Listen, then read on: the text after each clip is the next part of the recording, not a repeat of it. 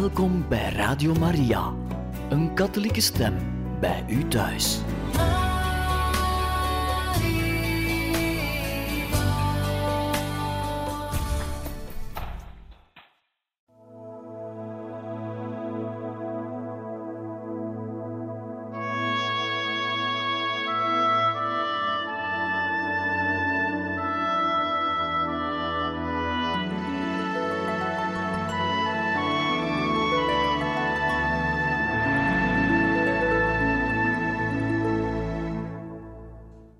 Beste luisteraars van Radio Maria, in dit programma lezen wij verder voor uit het boek Don Bosco van Teresio Bosco.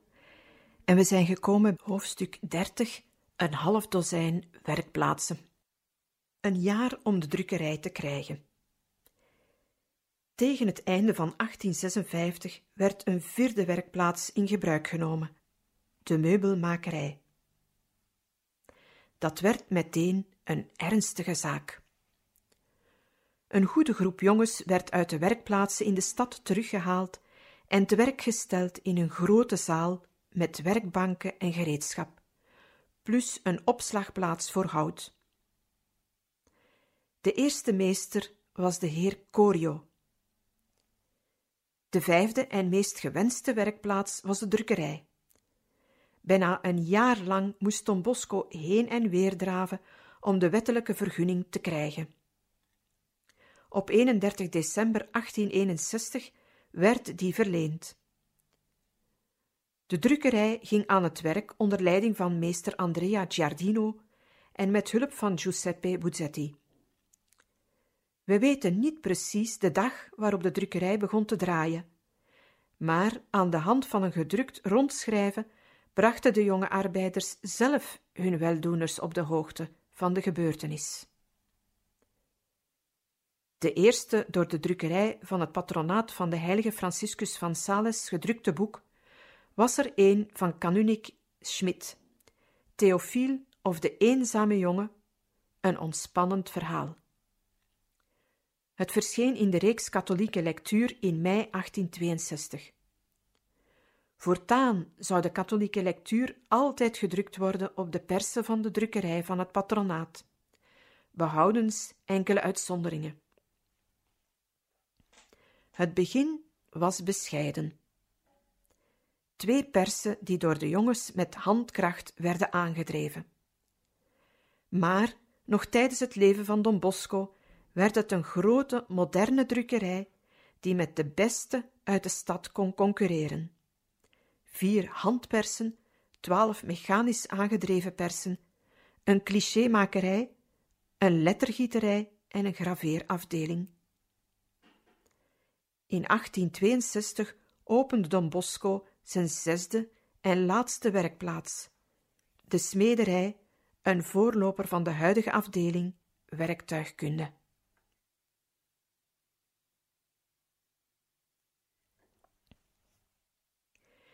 Vier methoden en uiteindelijk de juiste. Het was voor Don Bosco moeilijk de werkplaatsen goed te laten functioneren. Daarom probeerde hij achtereenvolgens verschillende formules.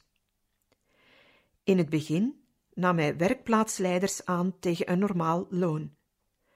Het gevolg was dat ze zich met het werk bezig hielden, maar geen oog hadden voor de vooruitgang van de jongens en voor de goede gang van zaken in de werkplaats.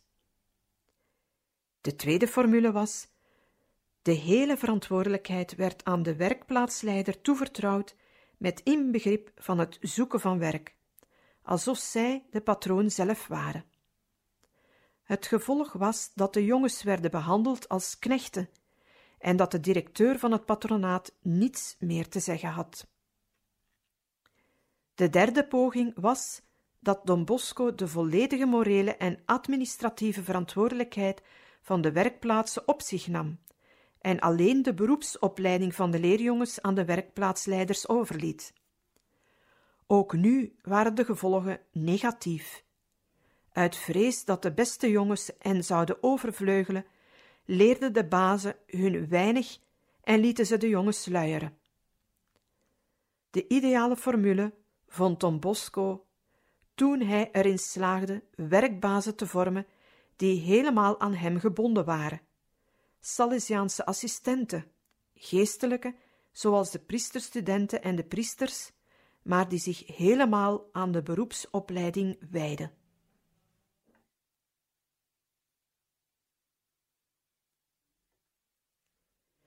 Wie niet echt arm is, hoort hier niet thuis.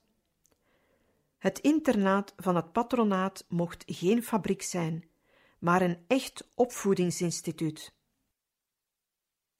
Om die reden stelde Don Bosco tijdens het schooljaar 1854-55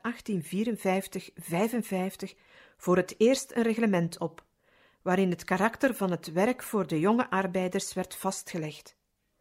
Over de studenten wordt in een aanhangsel gesproken. De jonge arbeider moet tussen 12 en 18 jaar oud zijn, een volle wees en echt arm en verlaten. Als hij broers of ooms heeft die de opvoeding op zich kunnen nemen, vallen ze buiten de opzet van dit huis. Het reglement stelt vast wie de overste van het huis zijn aan wie de jongens moeten gehoorzamen. Dat zijn de directeur, die de algemene verantwoordelijkheid draagt voor wat iedereen moet doen en voor het zedelijk gedrag van de jongens van het huis. De prefect of econoom, de geestelijke leidsman, die met de zielzorg belast is, en de assistent, die voor het eten zorgt en in de werkplaats en op de slaapzaal assisteert. Als wezenlijke deugden merkt hij aan vroomheid tegenover God, werklust, gehoorzaamheid aan de overste, genegenheid voor de makkers en bescheidenheid. Hij geeft richtlijnen voor hun handel en wandel in en buitenshuis. Hij noemt drie zonden die men per se moet vermijden: vloeken, oneerbaarheid, diefstal. Het rooster luidde: vroeg opstaan, de mis met gebeden en rozenkrans, ontbijt en werk. Men kwam weer bijeen bij het middagmaal en in de grote middagpauze. Daarna werd het werk hervat. In de avond werd er schoolwerk gemaakt. De dag werd afgesloten met het avondgebed en een kort woord van Don Bosco voor het gehele gezelschap bij wijze van goedenacht. Er werd bij de jongens op aangedrongen elke maand aan een kleine geestelijke oefening deel te nemen en elk jaar een kleine retraite te houden. Op godsdienstig gebied was Don Bosco altijd minder veel eisend voor de jonge arbeiders dan voor de studenten. Maar toen hij onder hen jongens vond met een goede aanleg voor het geestelijk leven, richtte hij in 1852 de broederschap van Sint-Jozef op. Dat was een groepering die de beste bijeen moest brengen en tot taak had hen tot verdieping van het christelijke en apostolische leven aan te zetten.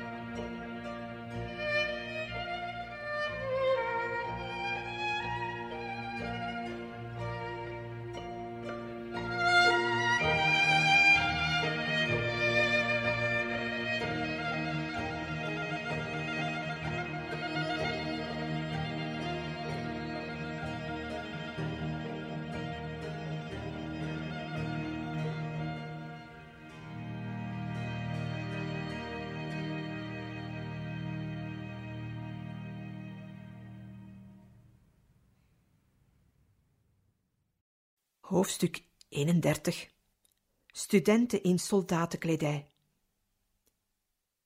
1 november 1851 Don Bosco gaat naar zijn dorp Castelnuovo d'Asti.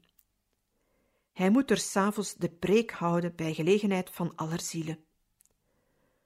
Onder de misdienaars is een jongetje dat hem naar de kansel vergezelt en hem de hele preek door star blijft aankijken. In de sacristie teruggekeerd merkt Don Bosco dat hij hem stilzwijgend blijft bezien. Hij roept hem: Jij hebt me iets te vertellen, is het niet? Ja, meneer, ik wil met u meegaan naar Turijn om er te studeren en priester te worden. Goed zo. Zeg je tegen je moeder dat zij na het avondeten even naar het huis van de pastoor komt. Die jongen heette Giovanni Cagliero en had geen vader meer.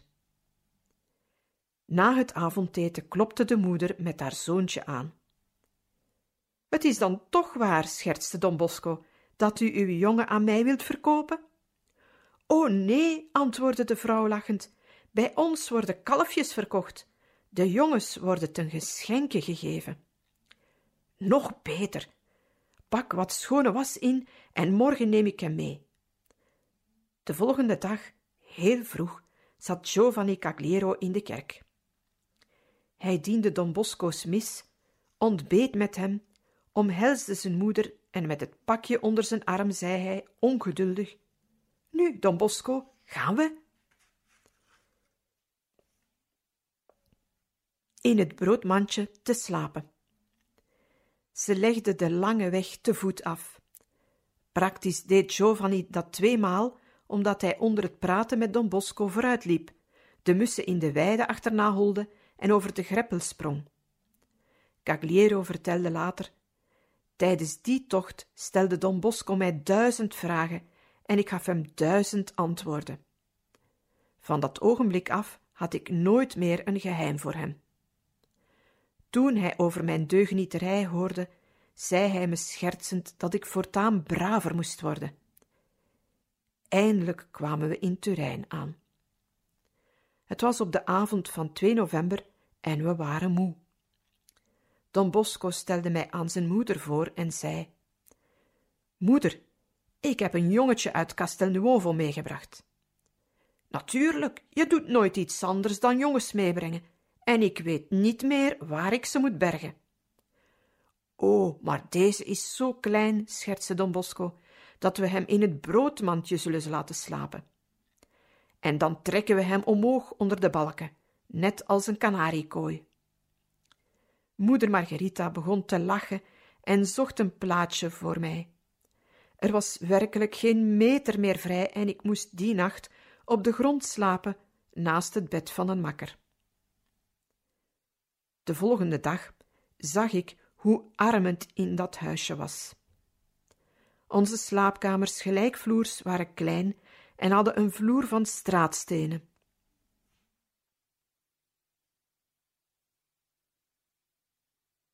In de keuken waren maar weinig tinnen borden en lepels. Vorken, messen, servetten zagen wij pas vele jaren later. De refter was een loods.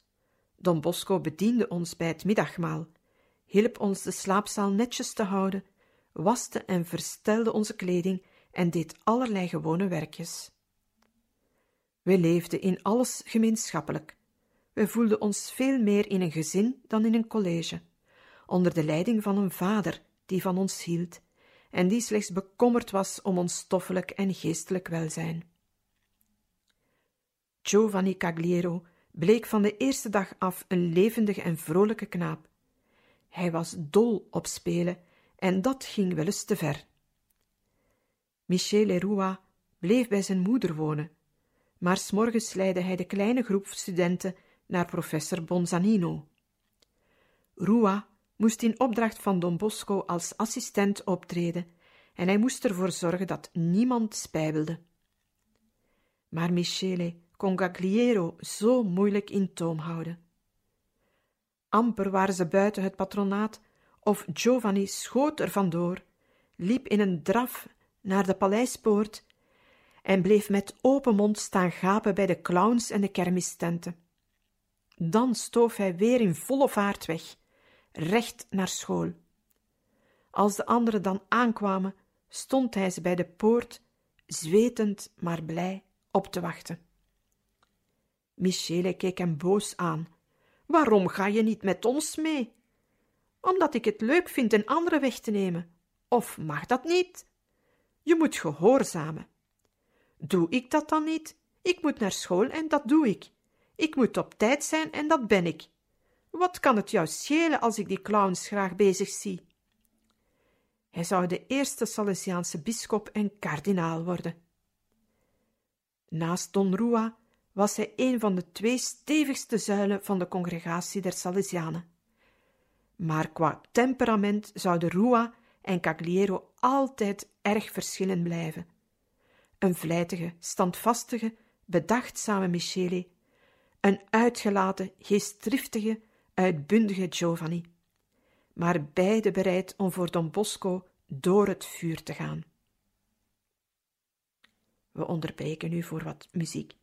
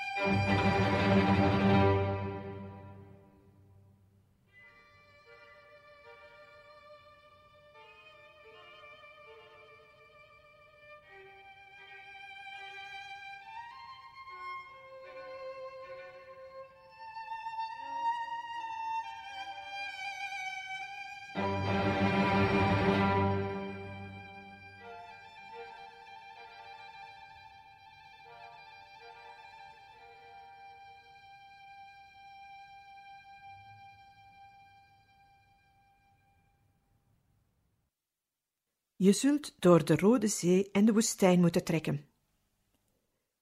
22 september 1852. Michel Leroy neemt voorgoed zijn intrek in het patronaat als interne leerling. Daags daarna gaat hij samen met Don Bosco, moeder Margherita en 26 makkers te voet naar Becky. Don Bosco gaat in Castelnuovo de novene van de Rozenkrans spreken en de jongens zullen onderdak krijgen bij zijn broer Giuseppe. Voordat ze op stap gingen, riep Don Bosco Michele bij zich en zei: Volgend jaar heb ik je hard nodig om ons huis vooruit te helpen. Op 3 oktober vieren wij het feest van ons lieve vrouw van de Rozenkrans. De pastoor van Castelnuovo zal naar Becky komen om je in het kapelletje in te kleden. Na onze terugkeer in het patronaat word je dan assistent en leraar van je makkers. Ben je het daarmee eens? Aangenomen. Op de avond van het feest, vertelde Don Rua later, zaten we in het rijtuig waarmee we naar Turijn terugreisden. Don Bosco verbrak het stilzwijgen en zei: Mijn beste Rua, nu begin je een nieuw leven. Maar denk eraan dat je alvorens het beloofde land binnen te treden, eerst de Rode Zee en de woestijn door moet. Als jij me helpt, zullen we rustig door allebei heen geraken en het beloofde land binnengaan. Michele dacht er een beetje over na, maar hij begreep er niet veel van. Toen verbrak hij op zijn beurt de stilte en vroeg: Herinnert u zich nog onze eerste ontmoeting? U had medailles uitgedeeld, maar er was er voor mij geen meer. Toen hebt u een vreemd gebaar gemaakt, alsof u mij de helft van uw hand wilde geven. Wat had dat te betekenen? Heb je het nu nog niet door? Daarmee bedoelde ik dat wij beiden alles zullen delen. Al het mijne zal ook het jouwe zijn, ook de schulden, de verantwoordelijkheid, de kopzorgen. En Don Bosco glimlachte. Maar we zullen ook zoveel mooie dingen beleven, geloof maar. En uiteindelijk het mooiste van alles, het paradijs. Garantie voor vijftig jaar. Dinsdag na Pasen 1853. De Turijnse hemel is een wirwar van zwarte wolken. Giovanni Francesia en Michele Rua, klasgenoten en boezemvrienden, zijn samen hun Italiaanse les aan het herhalen. Maar Michele is verstrooid, afwezig. Het lijkt wel of hij groot verdriet heeft. Reeds tweemaal had Francesia hem tevergeefs gevraagd wat er aan scheelde. Ten slotte sloeg hij het boek dicht en beet Michele toe.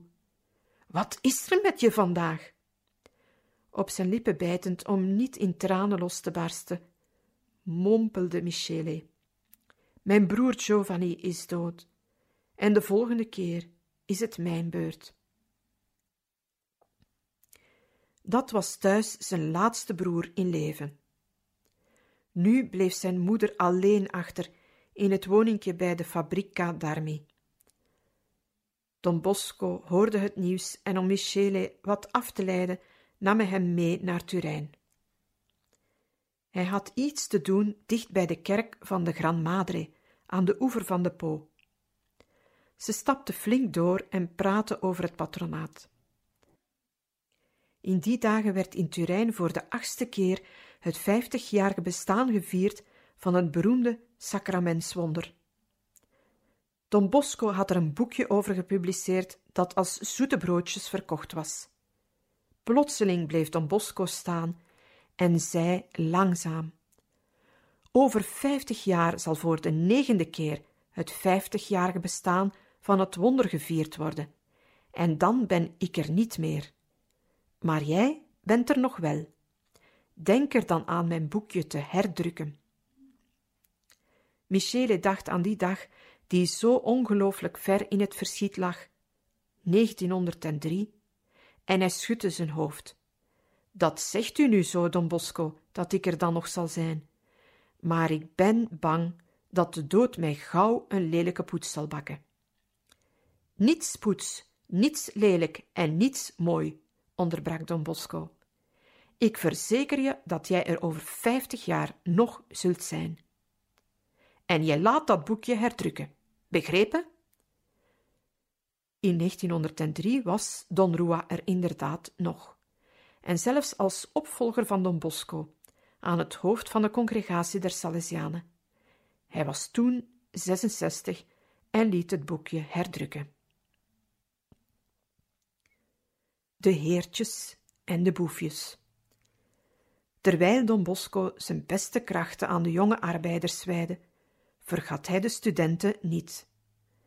Wij hebben er al meermalen op gewezen dat Don Bosco medewerkers zocht, zowel priesterstudenten als priesters, om hem in zijn werk te helpen. Hij wilde ook priesterroepingen voor de bisdommen bevorderen, en hij koos die uit de jongens die tussen Houweel en Hamer opgroeiden, om het tekort aan priesters aan te vullen. Het eerste viertal dat hij had voorbereid, had hem wel een beetje ontgoocheld, zoals we reeds gezegd hebben. Maar Cagliero en Francesia zouden ten volle aan zijn verwachtingen beantwoorden. En naast hen groeiden nog op Angelo Savio, Rocchetti, Turchi, Durando, Ceruti. Het internaat voor de studenten werd dus onopvallend geboren maar ontwikkelde zich snel. Twaalf interne in 1850, 35 in 1854, 63 in 1855 en 121 in 1857. De leerlingen van de eerste drie jaren Latijnse volgden de lessen bij Bonzanino. Daarna gingen ze over naar de humaniora en de retorica van Don Matteo Pico, die les gaf in de buurt van de kerk Onze Lieve Vrouw van Troost.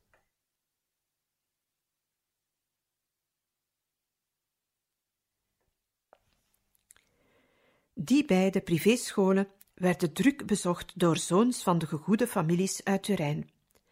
Zij betaalden rijkelijk. De jongens van Don Bosco werden echter gratis opgevangen. In het begin spotten die heertjes met de jongens van Don Bosco, de boefjes. Ze kwamen naar school in oude soldatenjassen. Ze zagen eruit als smokkelaars of hansworsten. Die jassen en ook de soldatenpetten had Don Bosco gratis gekregen van het ministerie. De jassen zagen er meer uit als een deken dan als een kledingstuk, maar ze beschutten goed tegen regen en sneeuw, vertelde Don Lemoine.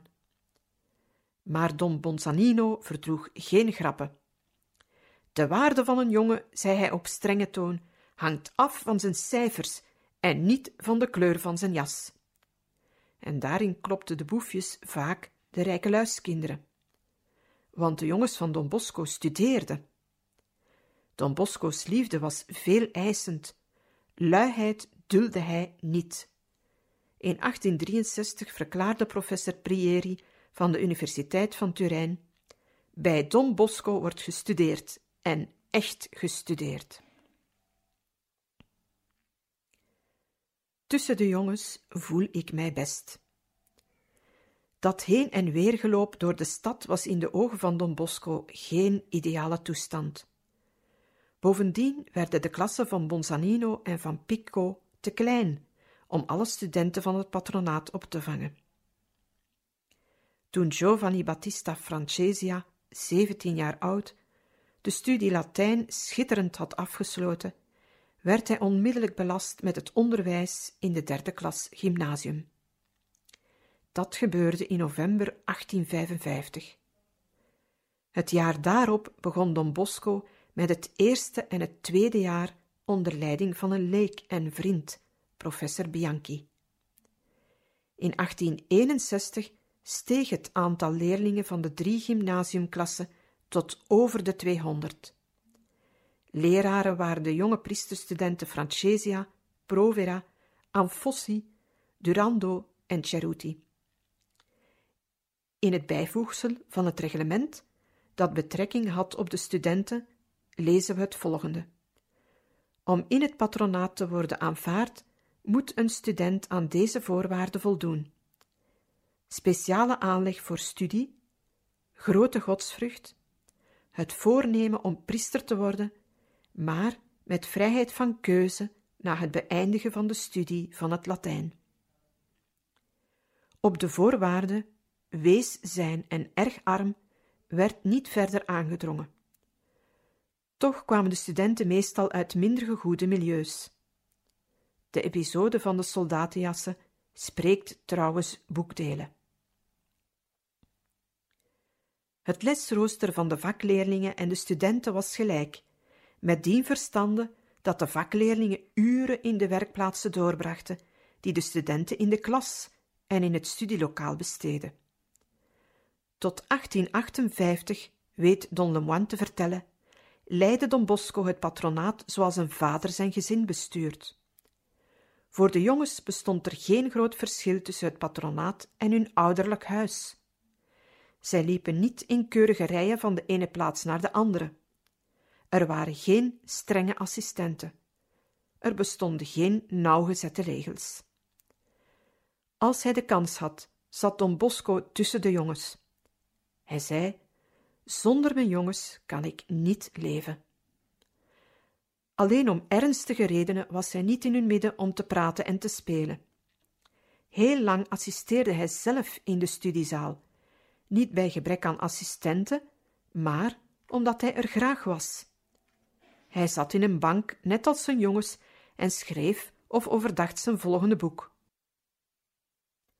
Na het avondeten, en dat tot 1870 toe, stormde een massa jongens, als Don Bosco klaar was met zijn maaltijd, de kamer binnen. En ze vochten om het dichtst bij hem te zijn, hem te zien, vragen te stellen, naar hem te luisteren en te lachen om zijn leuke grappen. De jongens gingen om hem heen zitten op de tafel tegenover hem, stonden op hun tenen of zaten soms geknield. Don Bosco hield erg van dat familietafereeltje, de hoofdschotel van zijn povere avondmaal. Don Bosco kon het niet begrijpen. Er heerste een intense godsdienstige sfeer in het huis. De studenten waren de tere scheuten van de toekomstige priesterroepingen, en Don Bosco wilde dat ze doordrenkt zouden worden van godsdienstig leven. De sacramenten, de Maria-verering en de kerk. De biecht was een wekelijkse of veertiendaagse gewoonte voor iedereen. Elke dag ging Don Bosco twee of drie uur lang biecht horen. Voor zon- en feestdagen ook wel de hele middag.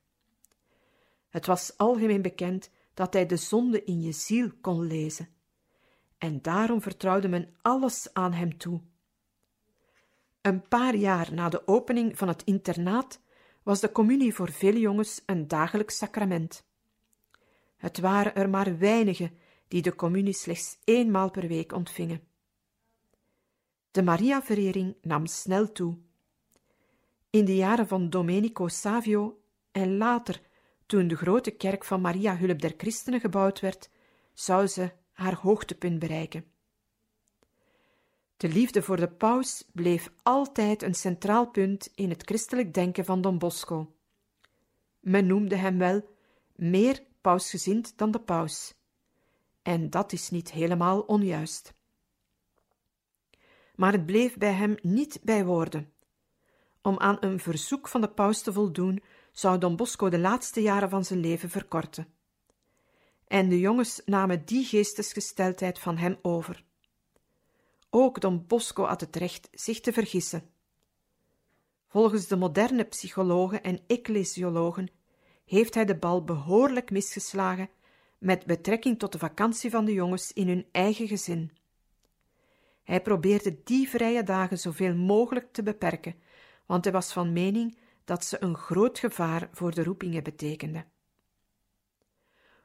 Ook Don Bosco was een kind van zijn tijd, zeggen de hedendaagse experts.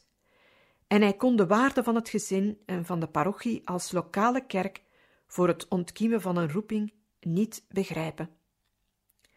Misschien mogen wij een kleine kanttekening maken bij zo'n rigoureus oordeel en een paar cijfers noemen. Alleen al in 1861 waren er 34 priesterroepingen in het patronaat. Door de anticlericalen werd zijn huis de priesterfabriek genoemd. Op het einde van zijn leven liepen de in Valdocco ontkiemde priesterroepingen in de duizenden. En dat waren geen doetjes. Don Bosco was er vast van overtuigd dat men de jonge priesterstudent tijdens de delicate periode van de puberteit in bescherming moet nemen, omdat men van de priester kuisheid verlangt. En dat is een overweging die zonder aan de waarde van het gezin en van de lokale kerk afbreuk te willen doen, het overdenken waard is. We onderbreken nu voor wat muziek.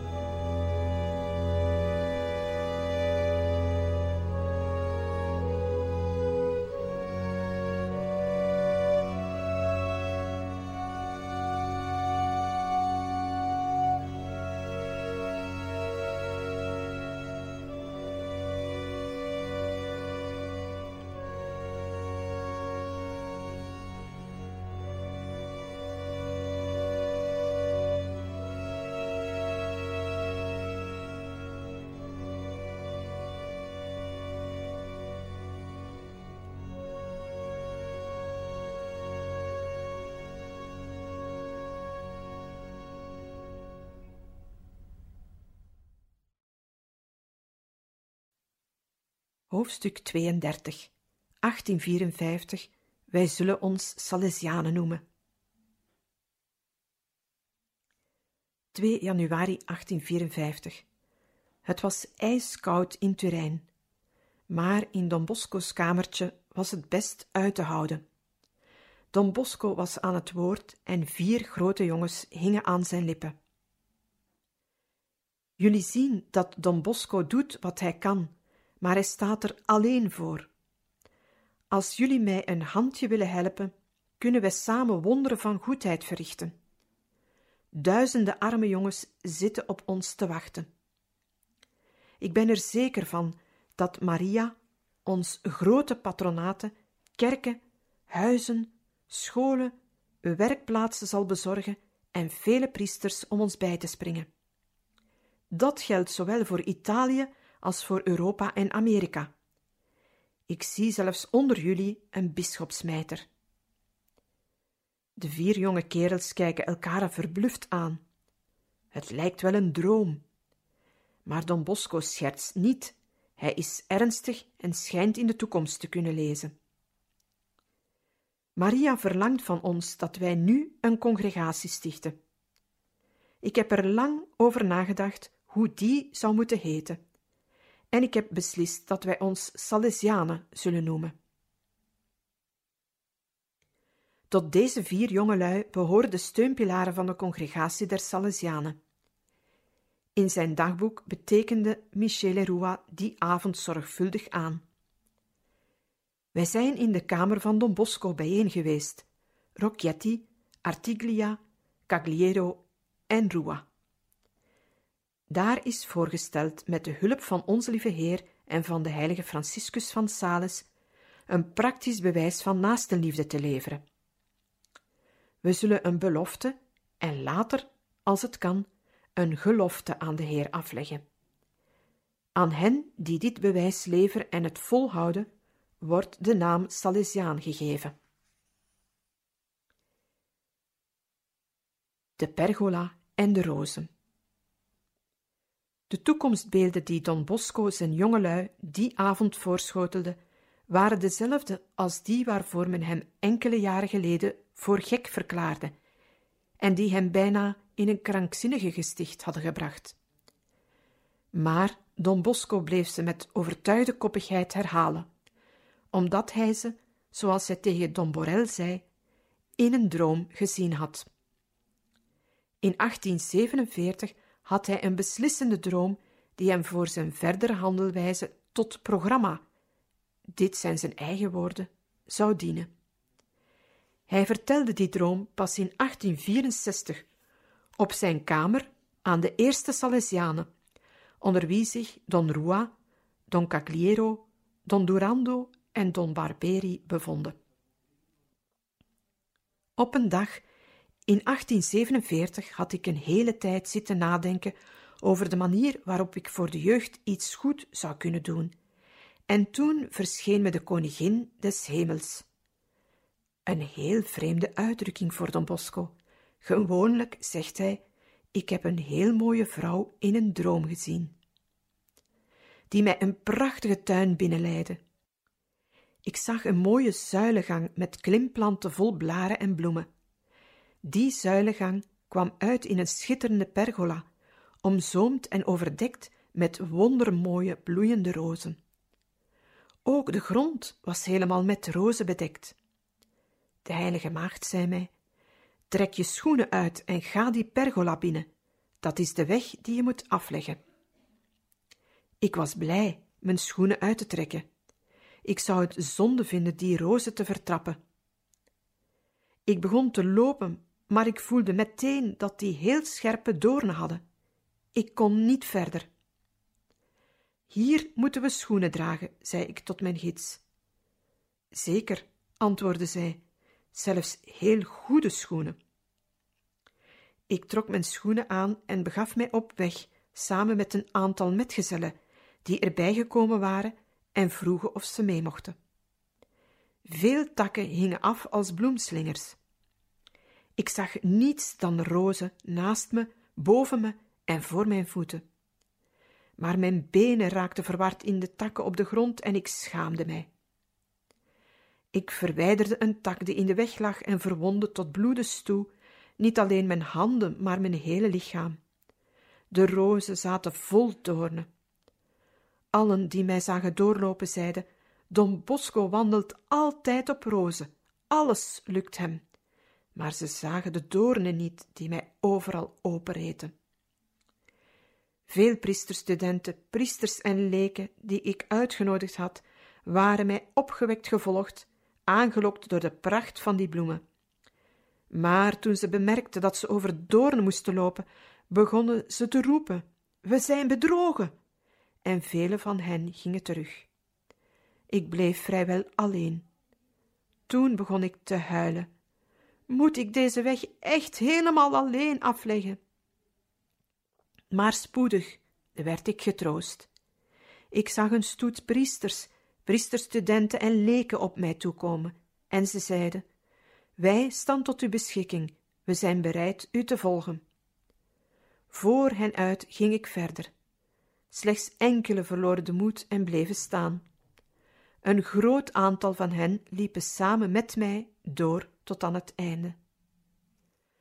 Toen ik de pergola door was, kwam ik in een prachtige tuin. Mijn paar volgelingen waren vermagerd en bloedend toegetakeld. Toen stak een lichte bries op, waardoor alle werden genezen. Nog een windstoot en als bij toverslag was ik omringd door een heel groot aantal jongens, priesterstudenten, lekenhelpers en ook priesters, die onder mijn leiding bij die jeugd aan het werk gingen. Enkele van hen kende ik van gezicht, vele echter kende ik nog niet. Toen vroeg de heilige maagd, die mijn gids geweest was, mij: Weet je wat het betekent wat je nu ziet en wat je tevoren gezien hebt? Nee. Weet dan dat de weg die je tussen de rozen en de doornen afgelegd hebt, de zorg voor de jeugd betekent, die je op je moet nemen. Je zult die weg moeten afleggen met de schoenen van de versterving. De doornen betekenen de hinderpalen, het verdriet en de onaangenaamheden die je zult moeten verdragen. Maar verlies de moed niet. Met liefde en versterving zul je alles overwinnen en rozen zonder doornen vinden. Ik heb jullie dit verteld, besloot hij, om ieder van jullie duidelijk te maken dat Maria onze congregatie wenst en dat we steeds geestdriftiger moeten werken tot meerdere eer en glorie van God. Toen Don Bosco eenmaal zeker was van zijn zaak, wierp hij elke dag zijn netten uit onder zijn jongens om het aantal van zijn toekomstige Salesianen te vergroten. Hij zei langs zijn neus weg: Hou je van Don Bosco? Zou je ervoor voelen bij mij te blijven? Ofwel, wil je me niet helpen om onder de jongens te werken? Kijk, als ik honderd priesters en honderd priesterstudenten had, zou ik voor iedereen werk hebben. Dan zouden we over de hele wereld kunnen uitzwermen. De jongens waren met dergelijke uitspraken heel vertrouwd.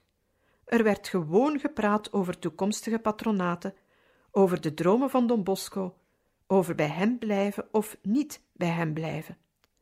Op een avond in 1851 wierp Don Bosco uit een raam van de eerste verdieping een handvol snoepjes onder de jongens.